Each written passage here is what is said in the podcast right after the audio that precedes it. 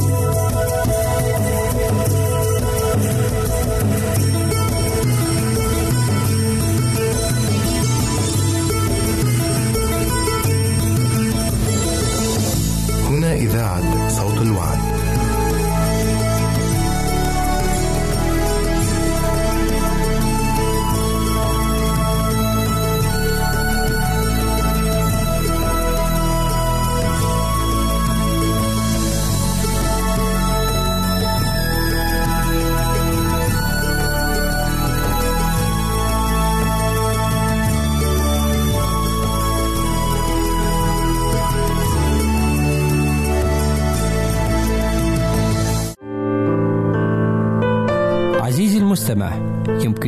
مراسلتنا على عنواننا الإلكتروني Arabic at awr.org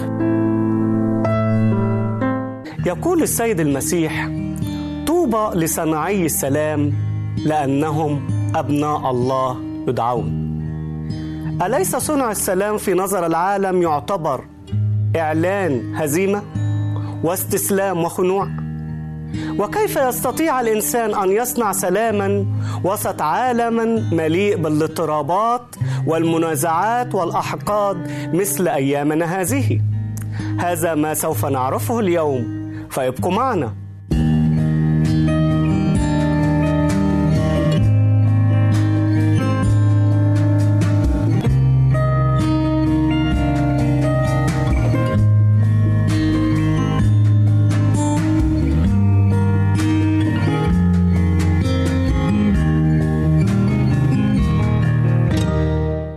مرحبا بكم أحبائي المستمعين.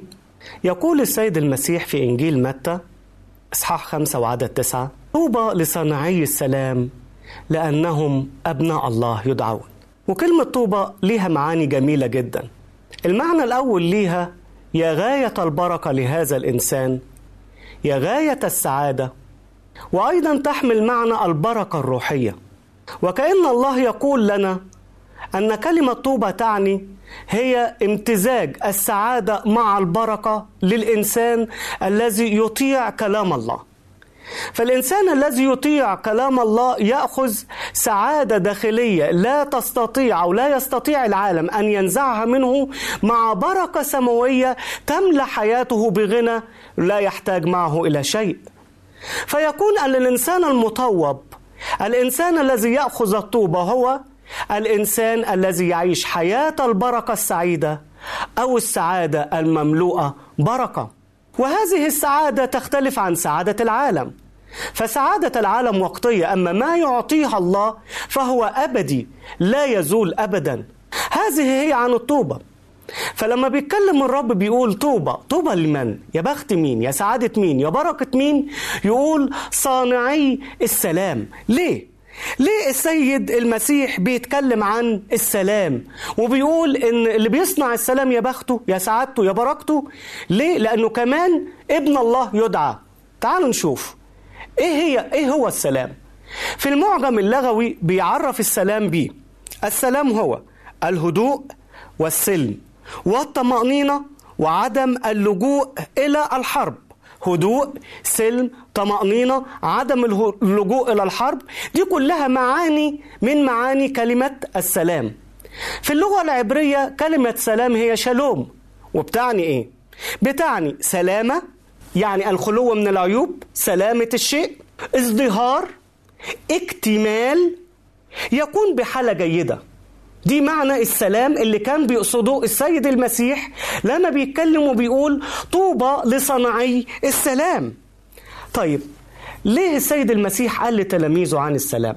هل كان المجتمع في وقته مثل أيامنا الحالية يحتاج إلى السلام؟ بالتأكيد المجتمع اليهودي وقت السيد المسيح كان مليء بالمنازعات السياسية والاجتماعية. إزاي؟ المنازعات السياسية كانت عبارة عن الاحتلال الروماني إلى فلسطين. الاحتلال الروماني إلى فلسطين.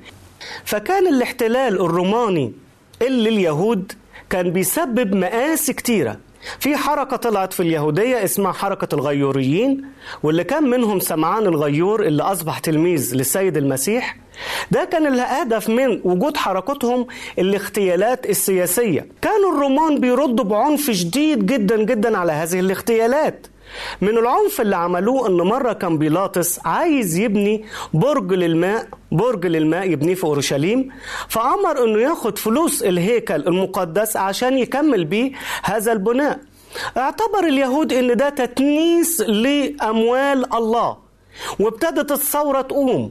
واحتمى بعض الجليليين في المسبح في الهيكل على أساس إن ده مكان مقدس والله يحميهم وما فيش إنسان يقدر يدخل إلى هذا المكان لكن بيلاطس بكل شراسة أمر إن هم يقتلوا واتخلطت دمائهم بدماء الذبائح اللي كانوا بيقدموها. فكان الوضع في وقت السيد المسيح لا يبشر ابدا إلا بالحروب والضيقات وكان دائما متوقع أن تقوم ثورات وتقوم اضطرابات في هذه المنطقة.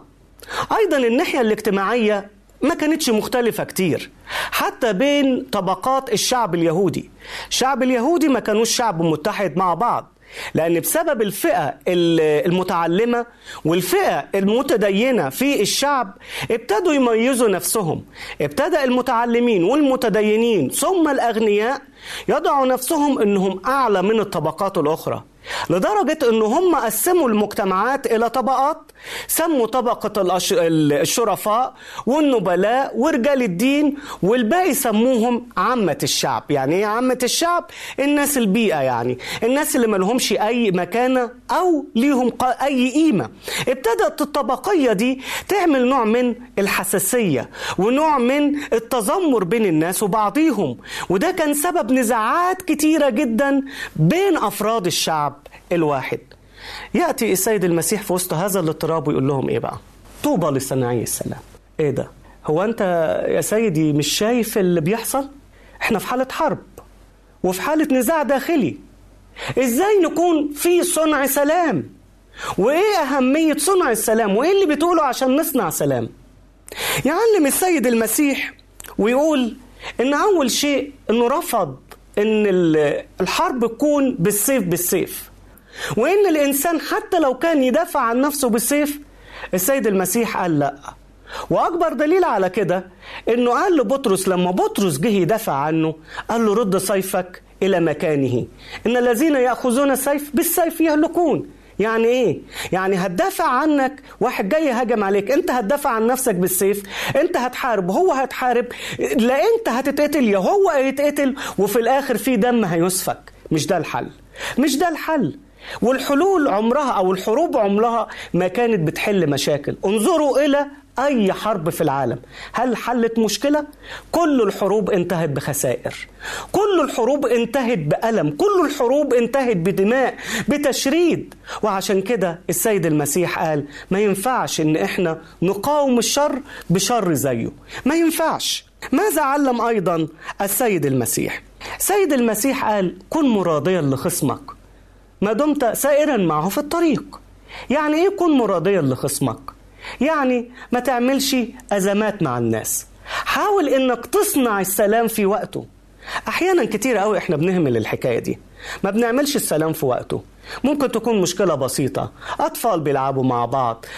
تتدخل الأخوات. الأخوات يدخلوا الرجالة. الرجالة يروحوا جايبين العائلات. وتبقى مشكلة كبيرة. وتبقى طار وصقر لا ينتهي لأجيال طويلة. بينما لو في حكمة من البداية كان الموضوع انتهى. كان الموضوع ما بقاش فيه مشكلة أساسا. اعمل السلام في الوقت المناسب. اعمل السلام في الوقت المناسب. لو في مشكلة بينك وبين المدام أو بينك وبين زوجك ما تسيبوش المشكلة تكبر يوم بعد يوم. حلوها أول ما تبتدي. واجهوا المشكلة. ما تخلوش المشكلة ها تتأجل وتزيد فتحتها أكتر. واجه المشكلة. اعمل السلام. وإيه اللي بيعلمه لنا أيضا السيد المسيح؟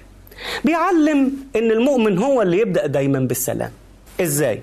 بالتأكيد هنقول لو أنا غلطان مفروض من الواجب من الأخلاق إن أنا أروح أعتذر وده اللي قاله السيد المسيح.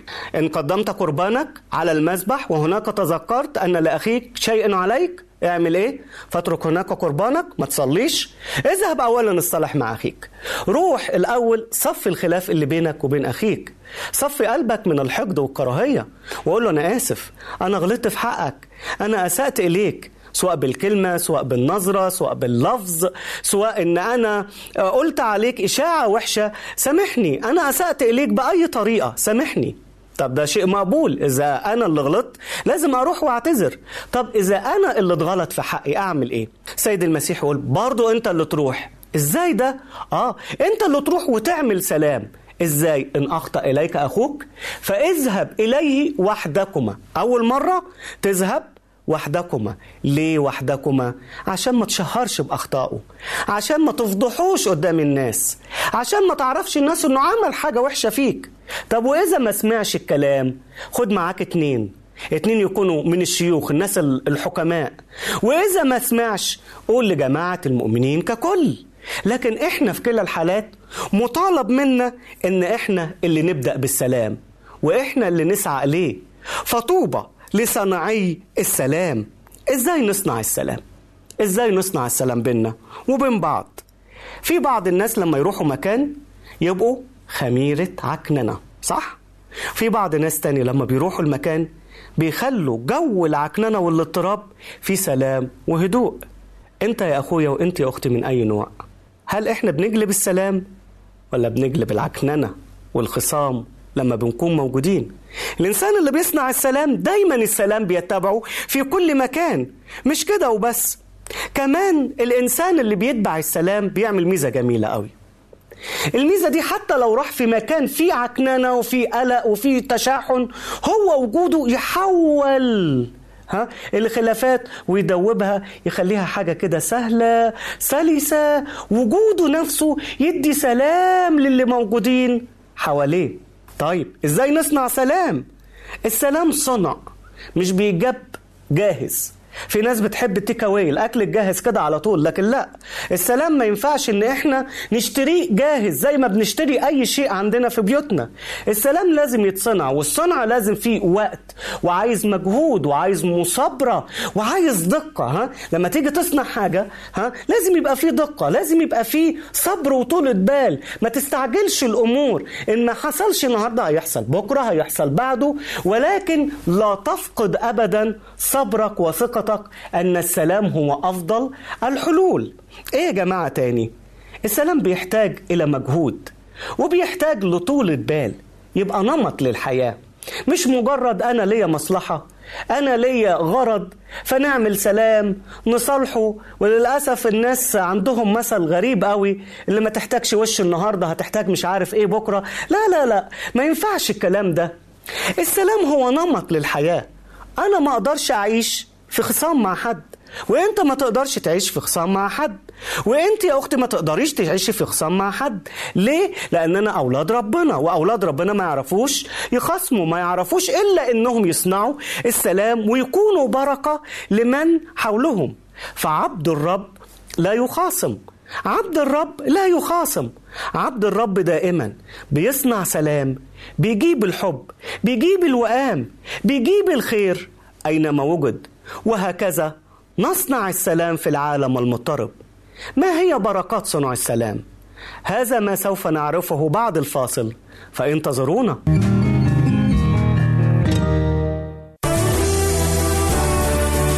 أنت تستمع إلى إذاعة صوت الوعد.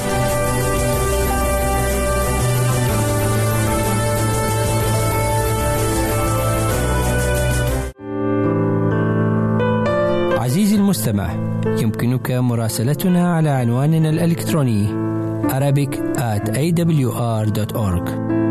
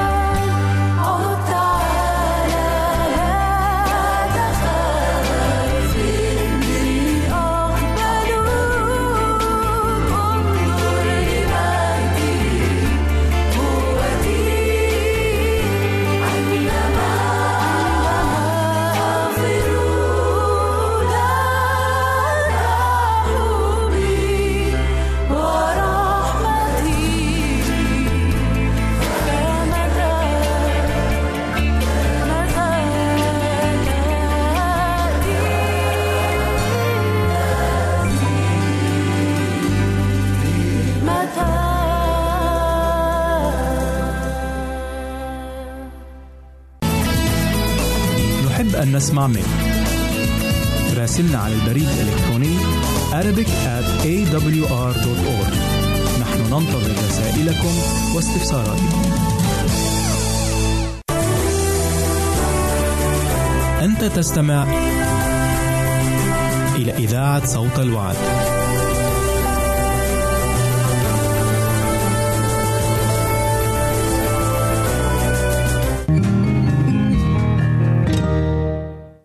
مرحبا بكم أحبائي المستمعين. قبل الفاصل اتكلمنا عن صنع السلام. اتكلمنا إزاي نصنع سلام بركة صنع السلام هنتكلم عنها دلوقتي. إزاي أو إيه هي بركة صنع السلام؟ ومع مين نصنع السلام؟ لازم نعرف إن إحنا علينا إن إحنا نصنع السلام مع الجميع اللي بنتعامل معاهم. أول ناس ينبغي علينا إن إحنا نصنع سلام معاهم يكون جماعة المؤمنين. بولس الرسول في تسالونيك الأولى خمسة وعدد 13 بيقول للمؤمنين سالموا بعضكم بعضا. سالموا بعضكم بعضا. يعني المؤمنين ما ينفعش أبدا يكون فيهم خصام. إذا في خصام بين المؤمنين طب السلام هيكون موجود فين؟ إذا في خصام في جماعة اللي المفروض تعلن بر الله وقداسة الله أمال العالم هيلاقي السلام فين؟ تاني مجموعة ينبغي إن المؤمن يعمل سلام معاها جميع الناس. جميع الناس مش بس جماعة المؤمنين. مش بس نبقى سمنة على عسل كده بين المؤمنين وبعضهم ونخاصم جيراننا لأنهم مش في جماعة المؤمنين لا. نشوف كاتب الرسالة إلى العبرانيين في إصحاح 12 وعدد 14 بينصحنا ويقول اتبعوا السلام مع الجميع والقداسة التي بدونها لن يرى أحد الرب. تابعوا السلام مع مين؟ مع الجميع. مش بس مع فئة معينة وفئة لا. اللي مسالم بيسالم الكل. اللي بيحب بيحب كل الناس. ما عندوش ناس وناس. ما عندوش تمييز. فما ينفعش ابدا إن أنا أحب مجموعة وأكره مجموعة تانية. أبقى إنسان كويس مع مجموعة وناس معينين وأبقى إنسان سيء جدا مع أشخاص آخرين. ما ينفعش. البيت المنقسم على ذاته يخرب. ماذا على المؤمن أيضا أن يصنع لأجل السلام؟ ينبغي على المؤمن أن يصلي لأجل السلام. يا ترى إحنا لما بنصلي بنصلي لأجل بلادنا بنصلي لأجل حكامها؟ بنصلي لأجل أولياء الأمر فيها؟ هل بنصلي إن ربنا يدي سلام لأوطاننا؟ ده فرض علينا. إذا كنا بنصلي لربنا بس عشان يا رب ادينا يا رب حافظ على أولادنا يا رب مش عارف نجحنا في عملنا يبقى إحنا أنانيين جدا. واجب على الإنسان أن هو أيضا يذكر أوطانه ويذكر بلده ويذكر البلاد اللي حوله ويذكر سلامة كل الناس. يجب علينا أن إحنا نصلي لأجل السلام في كل مكان. حتى لو كان المكان ده بعيد عننا حتى لو كانوا عالم ما فيش بيننا وبينهم أي تواصل ولكن محبة في السلام نصلي لأجل السلام. الحاجة الرابعة يا أحبائي أيضا ليس على المؤمن فقط أن يصلي لأجل السلام ولكن عليه أيضا أن يدعم السلام. يدعمه مش بس بالصلاة ولكن يدعمه يدعمه بالفعل بالمجهود. في مؤسسات كتير ومنظمات كتير بتعمل لأجل السلام بتشتغل في الإغاثات بتشتغل إنها تنقذ المنكوبين. ليه إحنا ما نساعدش؟ إذا ما قدرناش إن إحنا نشارك مع الناس دي طب ليه ما نتبرعش بأموالنا؟ ليه ما نتبرعش بأموالنا للناس اللي بيحاولوا إن هم ينهوا النزاعات بين الدول وبعض أو ينهوا الخلافات بين القبائل وبعض أو نشترك إن إحنا نحل المشاكل بين العائلات وبعض نكون إحنا فعلا جزء من الحل. ما نكونش مراقبين ما نكونش مجرد مشاهدين للمشكلة. في أماكن كتيرة نقدر إن إحنا نشتغل فيها. في أماكن كتيرة ربنا فتحها أمامنا نقدر من خلالها إن إحنا نظهر محبتنا للسلام ولصنع السلام. لازم نكون إيجابيين. لا ينبغي فقط إن إحنا نتمنى السلام لازم نسعى لأجل السلام. لازم نجاهد لأجل السلام. لازم نطلب السلام بكل قوة وبكل طاقتنا. لأن طوبى لصناعي السلام. لأنهم أبناء الله يدعون. نحن نحتاج السلام أحبائي أن يكون موجودا بين الله والناس. وطوبى لمن يصنع سلاما بين الله والناس. إزاي؟ هل ممكن نعمل سلام بين الله والناس؟ بالتأكيد. نقرأ في رسالة بولس الرسول إلى أهل كورنثوس صح خمسة وعدد عشرين. بيقول إذا نسعى كسفراء عن المسيح كأن الله يعزو بنا. نطلب عن المسيح تصالحوا مع الله يعني إيه؟ يعني إيه اللي بيقوله بولس الرسول؟ بيقول إن إحنا بنطلب إن أنتوا تتصالحوا مع الله بيقول للناس الخطاة اللي ما يعرفوش ربنا يا جماعة ما تتصالحوا مع ربنا طيب تصالحوا مع ربنا بمعنى إيه؟ هم مخاصمين ربنا؟ آه. ما كل خاطي هو في بعد عن الله في عداوة مع الله. وإنت لما تروح لإنسان وتقول له طب ما ترجع لربنا فإنت بتعمل صلح مع بين هذا الإنسان وبين الله. عشان كده الرسول يعقوب بيقول أيضا في رسالته في يعقوب 5 19 و20 أيها الإخوة إن ضل أحد بينكم عن الحق فرده أحد. فليعلم أن من رد خاطئا عن ضلال طريقه يخلص نفسا من الموت ويستر كثرة من الخطايا. يعلم إن الإنسان اللي بيرد واحد عن ضلاله بيخلص نفسه ويرده من الضلال. وبالشكل ده أنت تقدر تعمل سلام بين الله وبين الناس. ما أجمل إنك تكون رسول سلام ما أجمل يا أختي إنك تكون رسولة سلام ما أجمل إن إحنا نقود الناس إلى الله ما أجمل نقودهم إلى المخلص ما أجمل إن إحنا نكون الطريقة اللي بيستخدمها ربنا عشان يرجع الخطاة مرة أخرى من طريقهم. سلام بين الله والناس سلام بين الناس وبعضهم أيضا. إزاي؟ إحنا محتاجين إن إحنا نعمل سلام بين الناس وبعض. كثير من المشاحنات هل بندخل عشان نحل المشكلة؟ بنزود المشكلة ولا بننقصها لا يخفى عليكم إن في ناس لما بتدخل في المشاكل المشكلة بتزيد ما بتنقص في ناس تانية العكس. في ناس تانية لأ. في ناس لما بتدخل المشكلة بيكون كل الهدف نبيل كل الهدف سامي إنه ينهي الخصومة دي. عندنا في الكتاب المقدس في العهد الجديد قصة حلوة قوي مش متداولة. بكثرة عن قصة عبد اسمه إنسيموس وسيده كان اسمه فيليمون إنسيموس هرب من فيليمون وراح لمكان ما اتقابل مع بولس عرف الرب اتقابل عليه فعرف إن هو غلطان في حق سيده فيليمون اللي ظلمه. فبولس بعت رسالة إلى فيليمون لأنه كانوا يعرفوا من قبل كده وقال له أنا عايزك تقبل إنسيموس مش كعبد فيما بعد ولكن كأخ وإذا كان ظلمك في شيء أنا هرد. وأنا أوفي كل الدين اللي عليه.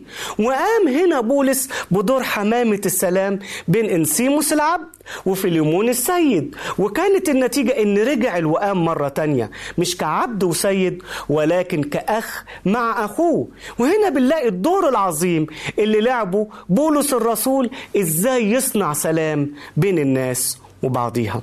كمان محتاجين نعمل سلام أو تعمل سلام بينك وبين الله. لأن دي أهم علاقة هل في سلام بينك وبين الله؟ هل في رضا من الله عليك؟ هل بتحس إن فعلا في علاقة محبة بينك وبين الرب؟ لازم نعرف إن أهم علاقة إن يكون في سلام بين الإنسان وبين الله وبين الإنسان وبين نفسه. السيد المسيح قال: طوبى لصناعي السلام لأنهم أبناء الله يدعون. إزاي يكون الإنسان ابن لله؟ ده امتياز مش كده؟ ده امتياز إن أنت واحد يقول أنا ابن وزير أنا ابن محافظ أنا ابن رئيس جمهورية أنا ابن ملك. ده شرف. أمال لما يقول لا ده أنت ابن الله. مش بالمعنى الحرفي طبعا لأن حاشا لله للتناسل والتقاصر وهذه الأشياء الغريبة. ولكن بنتكلم روحيا. يعني إيه إن الإنسان يكون ابنا لله؟ يكون ابن لله لأن الله نفسه هو السلام وهو إله السلام.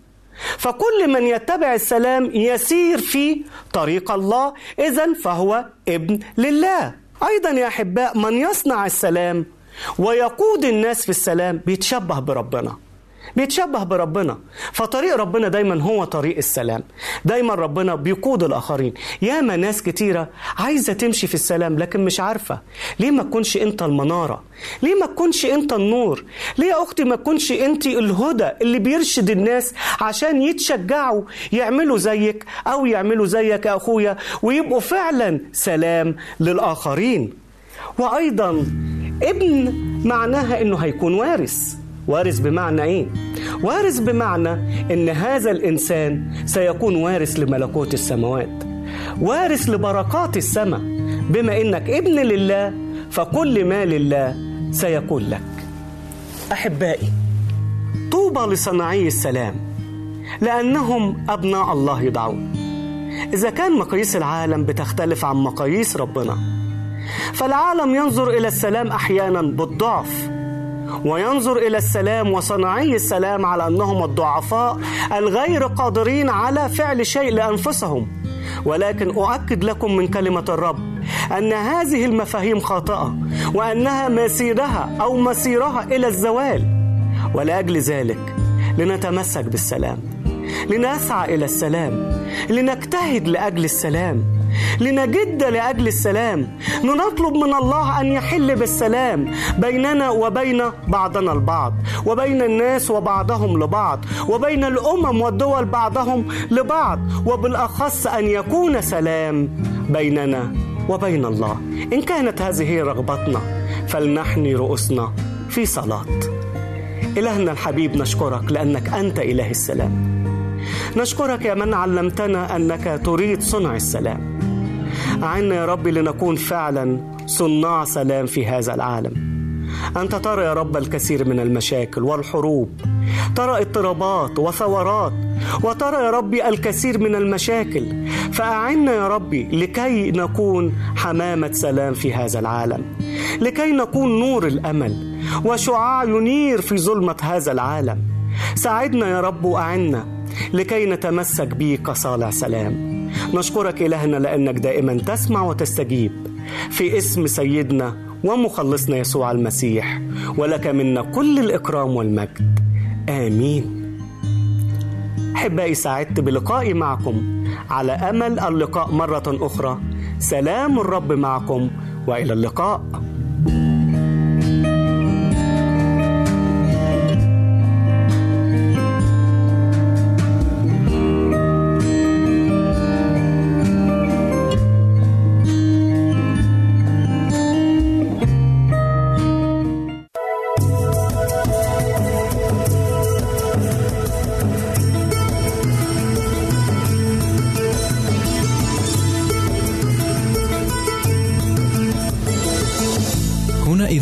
صوت الوعد.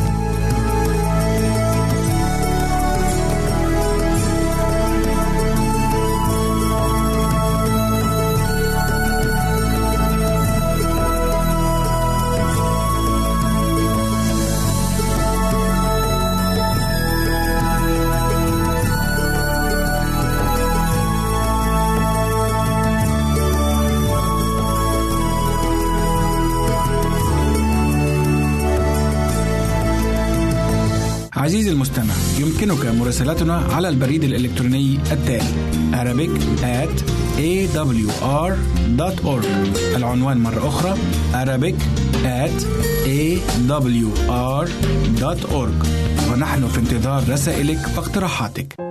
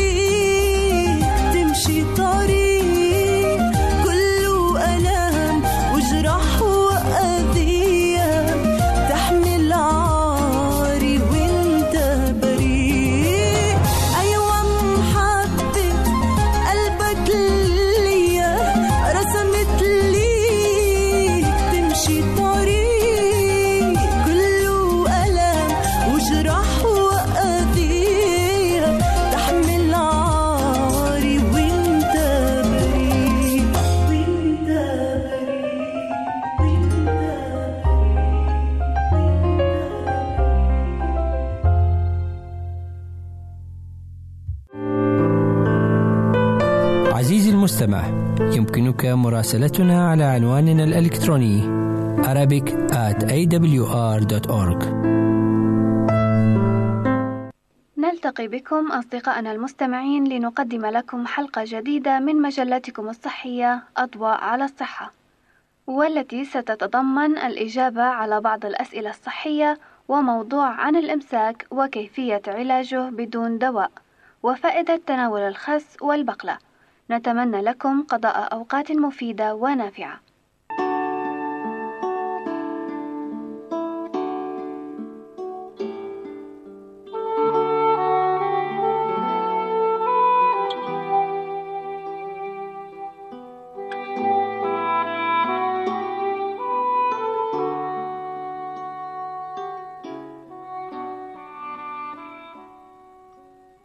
السؤال الأول لهذا اليوم وردنا من مستمعة إذ كتبت لنا في رسالتها السؤال التالي: هل أن سرطان الثدي أكثر شيوعًا بين النساء؟ فأجابنا الطبيب قائلًا: في وسعك أن تقولي هذا، ولكنه قلما يصيب المرأة قبل سن المراهقة، ويتكاثر مع تقدمها في السن، ويبدأ عادة في المجاري الخارجية من غدد اللبن، وينتشر عبر العقد الليمفاوية إن لم تفطن إليه المرأة وطبيبها. وسرعة انتشاره منتظرة فهو يصل إلى الرئة والكبد والعظم وأول إشاراته ورم غير مؤلم في الثدي. والمنقذ الوحيد هو التعرف عليه في أول ظهوره. فالآلاف من النساء كان في الوسع إنقاذهن لو هن عرفن بما أصابهن في وقت مبكر أو حتى لو شككنا على الأقل وأهرعنا إلى إجراء الفحوص والتحاليل. والعلاج المضمون تقريبا لسرطان الثدي في مستهل الإصابة هو بالاستئصال الكامل. السؤال الثاني في برنامج هذا اليوم وردنا من أحد المستمعين وهو يقول: عندما كنت طفلا كنت أصاب بالحساسية كلما تناولت البيض، ولكنني الآن أتناوله بصورة طبيعية دون أن أصاب بالحساسية، فهل يمكن التخلص من الحساسية بهذه الطريقة العفوية الطبيعية؟ يحدث هذا لبعض الصغار الذين عانوا من الحساسية ولما شبوا عن الطوق برأوا منها إن الصغار معرضين للحساسية أكثر من الشباب والكهول وبطبيعة الحال متى كانت لك حساسية ما وأنت طفل أو حدث فلا يعني هذا بأن الحساسية ستبقى ملازمة لك إلى آخر أيام حياتك ومن غير الممكن إزالة الحساسية بأخذ كميات صغيرة من الطعم بواسطة الفم ولكن لا بأس من إجراء التجربة عن طريق الحقن بالمادة الغذائية التي تثير الحساسية غير أنها طريقة لا يعول عليها فهي بعد التجارب الكثيرة لم تقدم من النتائج ما يبشر بالخير.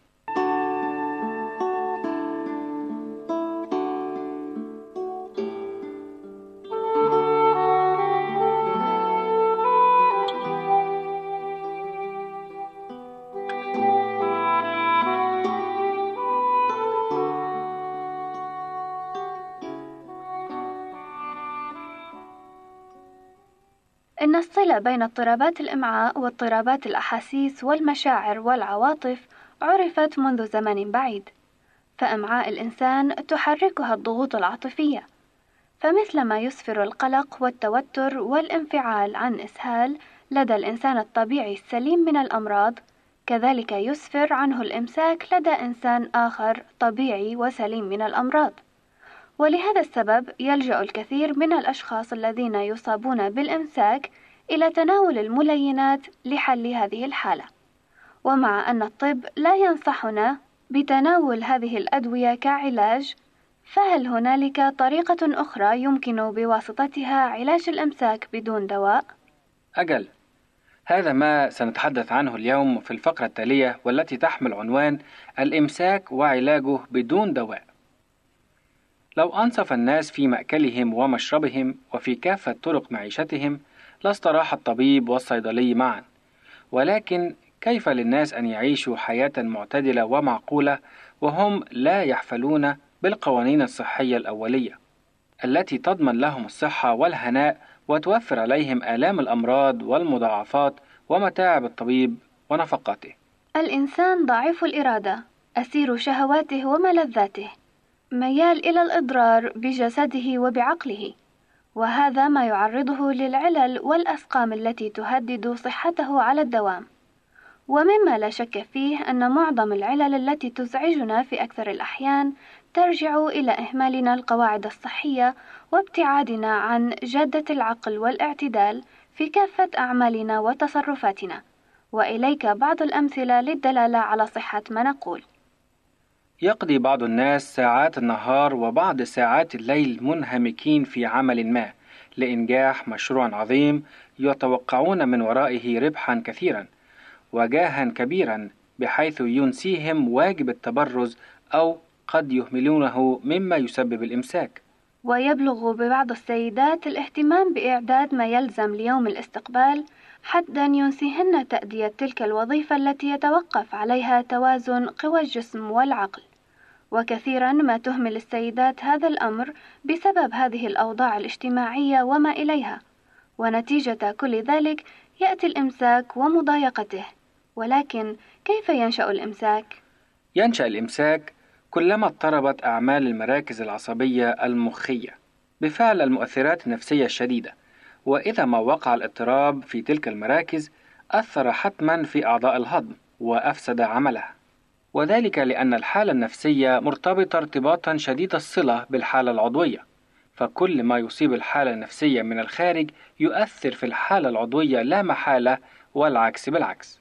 فإذا نشطت المراكز العصبية المخية نشاطا غير عادي كما هي حالة المتعب من الأعمال العقلية أصيبت أعضاء الهضم بالخمول والكسل ووقفت المواد البرازية عن سيرها الطبيعي وجفت جفافا يفضي إلى الإمساك بلا نزاع. أما إذا نشطت أعمال أعضاء الهضم نشاطا زائدا كما هي حالة المسرف في الطعام أصيبت القوى العقلية بالجمود والضعف وتعذر على المسرف أعمال الفكر في الأمور الهامة. ومن المتعارف عليه بين عامة الناس بأن الإمساك والإسهال ينبئان عن طباع الناس وأمزجتهم. فالمضطرب والمتمرد اللذان ينقصهما الحلم والاعتدال في أعمالهما وتصرفاتهما معرضان حتما للإصابة بالإمساك.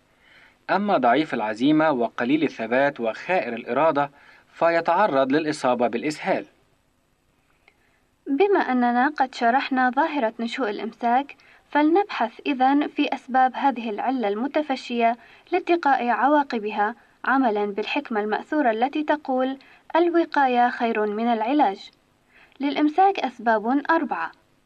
الأول خلقي محض وهو ناشئ عن اختلال في تركيب أعضاء الهضم كما هي الحال في تمدد المعي الغليظ أو القولون وهي حالة تشريحية بحتة. والسبب الثاني غذائي صرف وهو ناتج عن سوء الغذاء وعن الإكثار في تناول الأطعمة الحيوانية والتي تتمثل جميعها في الجسم. لاحتوائها على مقدار وافر من المواد الزلالية والآزوتية القليلة الفضلات. فالإفراط من تناول هذه الأطعمة يؤول إلى عجز إفراز عصارات الهضم وخصوصا إفراز الصفراء فتضطرب عملية الهضم وينشأ الإمساك. أما السبب الثالث فيعود إلى اعتلال وظائف الهضم جميعا كما هي الحال في البدانة الزائدة وفتق البطن وعجز إفراز المعي والكبد. السبب الرابع والأخير هو ميكانيكي خالص وهو يعود إلى وقوف المواد البرازية عن سيرها العادي لعلة ميكانيكية خلقية أو مكتسبة كما هي الحال في وجود الديدان المعوية خاصة إذا كانت عديدة وكبيرة الحجم. وفي الأورام المعدية الخبيثة وفي البواسير وفي ميل الرحم وأورامه البسيطة والخبيثة إلى غير ذلك من الأجسام الغريبة التي تشاهد في ملحقات أعضاء التناسل عند النساء. قد يتبادر إلى أذهانكم مستمعينا الكرام نتيجة معرفتكم لأسباب الإمساك بأن خير وسيلة لمقاومتها إنما تكون بتعاطي المسهلات ولكن لتعاطي المسهلات في غير تبصر مساوئ كثيرة لأن المسهلات ليست علاجا معقولا وأكيدا لشفاء الإمساك كما أن فعلها يزول سريعا إذا ما تكرر تعاطيها. وبهذه الحالة نضطر إلى تجربة كل أنواع الملينات واحدا بعد الآخر دون أن ننال نتيجة حاسمة. بالإضافة إلى أن الملينات تعمل على إفساد عمل الأمعاء لأنها تعتاد الكسل والجمود وتتهاون بالقيام في وظيفتها. فإذا كان الأمر على نحو ما تقدم فلا بد لنا من البحث عن طريقة معقولة تريحنا من مضايقة الإمساك بدون الالتجاء إلى الأدوية الملينة. وأفضل طريقة لمقاومة الإمساك تتم أولا عن طريق إزالة أسبابه وباتباع القواعد الصحية الأولية الآتية. أولاً انتظام أوقات الطعام. ثانياً اختيار الغذاء الذي يتناسب مع السن والمزاج والحالة الصحية ونوع العمل. ثالثاً الاعتدال في الطعام والشراب. ورابعا وأخيرا التمتع بحياة هادئة منظمة بعيدة عن المؤثرات النفسية التي تستنفذ الجهد والطاقة. أما بالنسبة للوسائل الطبيعية التي تفيد في معالجة الإمساك أكثر مما تفعل المركبات الكيميائية فالرياضة البدنية والاستحمام بالماء البارد أو بالماء الدافئ وتدليك البطن صباحا كل يوم وشرب قدح ماء بارد أو ساخن على الريق والحركة الجسدية المنظمة وتجنب حياة الجلوس كل هذه الوسائل تطلق أعضاء الهضم دون أن نلتجئ إلى المعالجة الدوائية.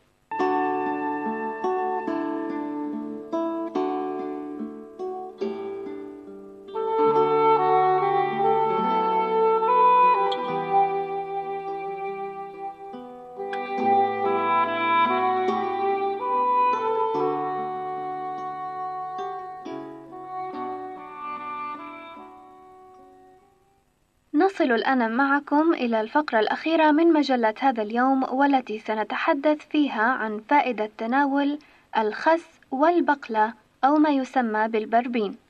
إن الخس نبات قلوي يهضم في ساعتين وربع الساعة يحتوي على الفيتامينات ألف وباء وجيم ومن منافعه أنه منشط يقاوم السمنة والقبض أو الإمساك ويسهل تنظيف الأمعاء ويسكن الآلام ويهدئ الأعصاب الهائجة ويرطب التهابات المعدة ويساعد الأطفال على النمو. وماء الخس المصفى مفيد في تركيب بعض العلاجات ومخفف للسعال الديكي. ومن منافعه أيضا أنه سهل الهضم يجلب النعاس ويفيد الأمعاء كما يفيد المصابين بالأمراض العصبية وداء المفاصل. ولكي يكون نفع الخس بأعلى نسبة ممكنة ينبغي أن يؤكل بأوراقه بدون طبخ بعد أن يغسل جيدا. أما منافع البقلة أو البربين فهي كثيرة وعديدة. كان القدماء يصفونها لمعالجة جميع الأمراض وذلك بأن يأكلها المريض نيئة أو مطبوخة أو أن يشرب عصيرها أو يضعها على دمامله كلبخات. وبعبارة أخرى فقد كانت البقلة دواء عاما لمختلف العلل. ومن النافع أن تؤكل البقلة كسلطة فيضاف إليها الزيت والنعناع والثوم والبصل الأخضر وحامض الليمون والقليل من الملح. يصف أطباء اليوم البقلة كملطف وملين ومقوٍ للبدن ولضعف الدم بفضل ما فيها من الحديد وهي خير واق من السعال. وكثيرة الفائدة في طرد البلغم وتنقية الرئة والقصبات منه غير أنه يجب أن يمتنع عن أكلها المصابون بداء الحصى أو بالرمال البولي. نتمنى لكم أعزائنا المستمعين كل الصحة والسعادة وفي رعاية القدير نستودعكم. رافقكم في حلقة اليوم هنا سليم وسامي سعيد وإلى اللقاء.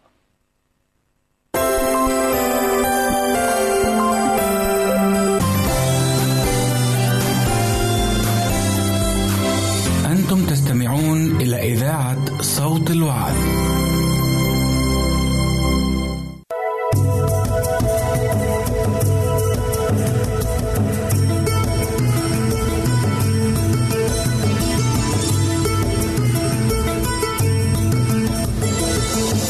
هنا إذاعة صوت الوعد.